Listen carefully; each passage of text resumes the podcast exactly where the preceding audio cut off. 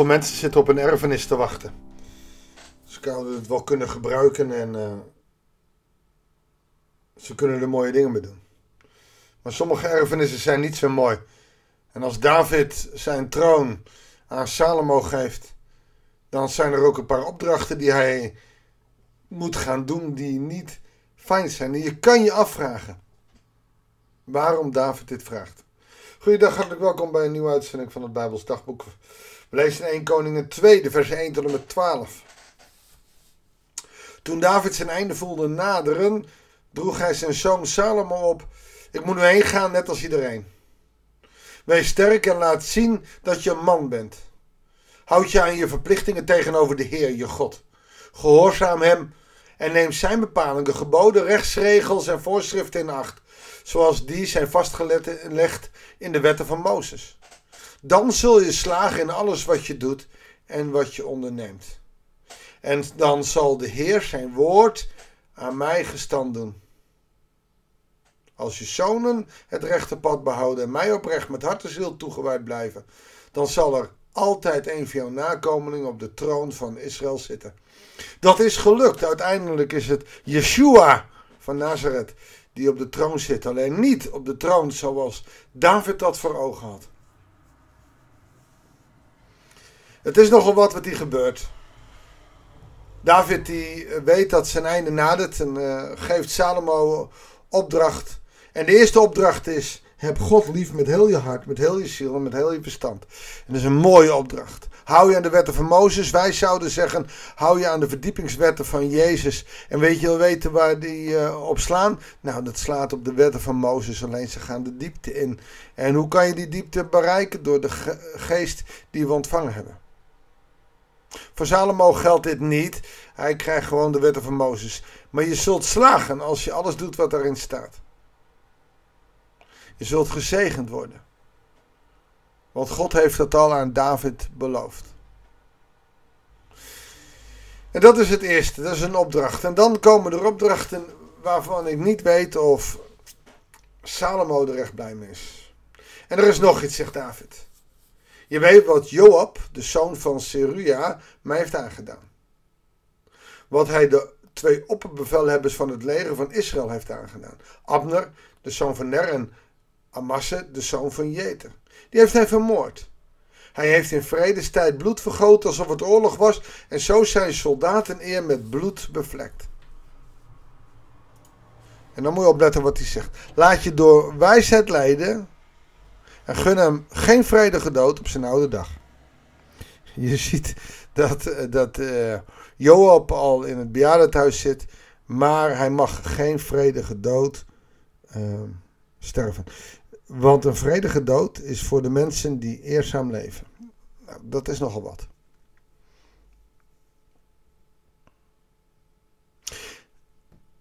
Maar de zonen van Barzillai uit Gilead moet je goed behandelen. Neem hen op aan in je hof, want ze zijn mij hulp gekomen toen ik op de vlucht was voor je broer Absalom. Dus hij zegent uh, wie hem geholpen heeft. En dan is er nog de Benjamin Simi, de zoon van Gera uit Bagurim. Hij heeft me vreselijke verwensingen naar het hoofd geslingerd toen ik op weg was naar Maganaim. Later is hij me bij de Jordaan tegemoet gekomen en toen heb ik hem bij de Heer gezworen dat ik hem niet ter dood zou brengen. Maar jij moet hem niet ongestraft laten.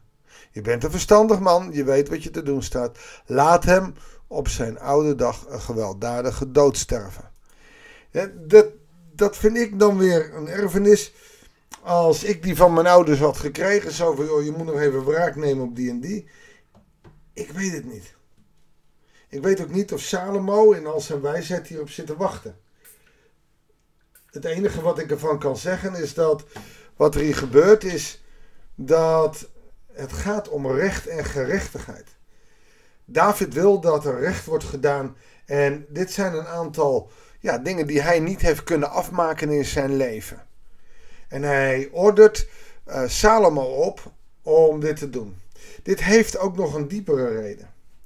Weet je, als je altijd maar zegt, ach, dat moet kunnen, laat ze maar. En uh, laten we maar rustig doen met ze. En uh, laten we ze maar genadig zijn. Weet je, de enige die echt genade kan geven, dat is God.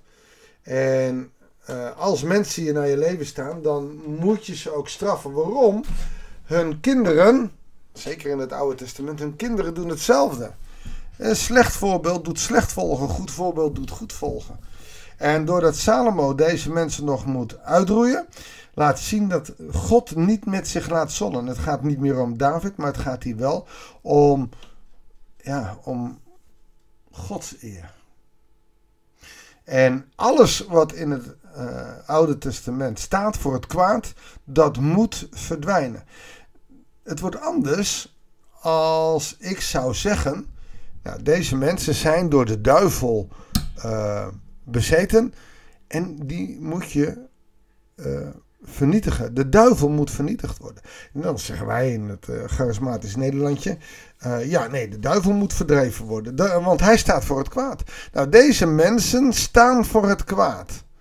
En we hebben dat al bij Mozes gezien, of bij Jozua, als hij het land moet innemen, dan moet hij heel veel stammen vernietigen, tot op vrouwen, kinderen en op de beesten na. Oftewel, al het kwaad moet worden weggedaan.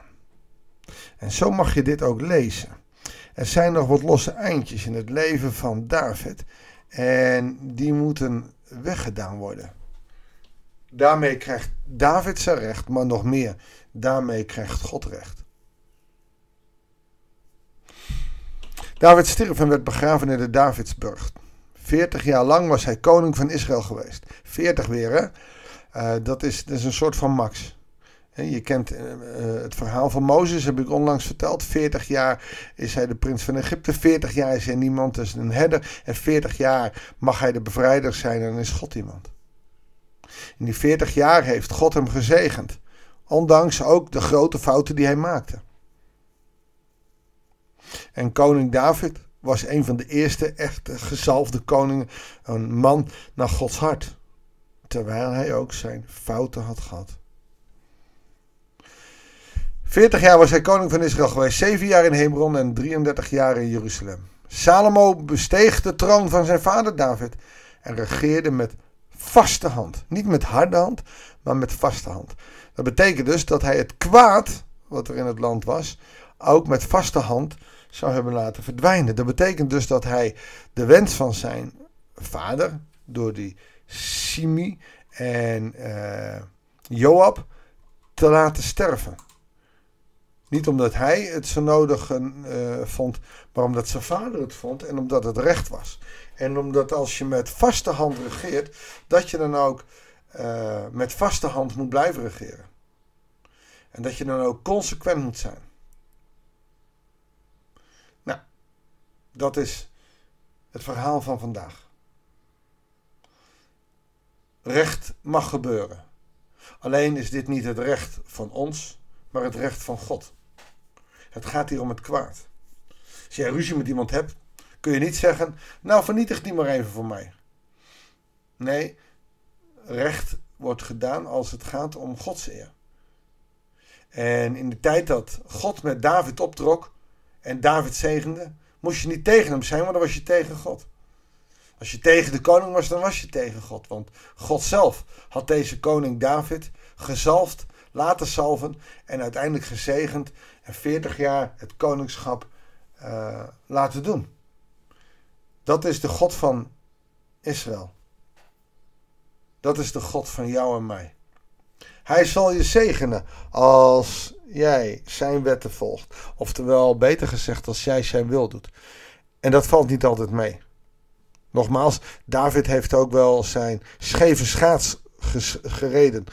En toch bleef hij David, bleef God David heel dicht nabij. Weet je dus getroost. Ik weet ook wel dat jij en ik niet alles, altijd alles goed kunnen doen. Maar doe in ieder geval zoveel mogelijk je best. Ga met God en hij zal bij je zijn. Mag ik voor je bidden? Heere God, dank u wel voor wie David was. Dat David een opvolger kreeg, een man in wijsheid, een man naar uw hart. Wat moet dat voor David een troost zijn geweest dat Salomo hem zou opvolgen? Dat u dat gezegd zou hebben. Heere God, uh, uh, Salomo, zijn naam door u gegeven is Jedidja, lieveling van de Heer. Zo was Salomo de lieveling van de Heer, maar ook van David. Dank u wel voor de zegeningen die u geeft aan mensen die u wil doen. Wil dat ook bij ons doen, vandaag en de dagen die komen gaan. Heer, dat bidden wij u. In Jezus' naam. Amen.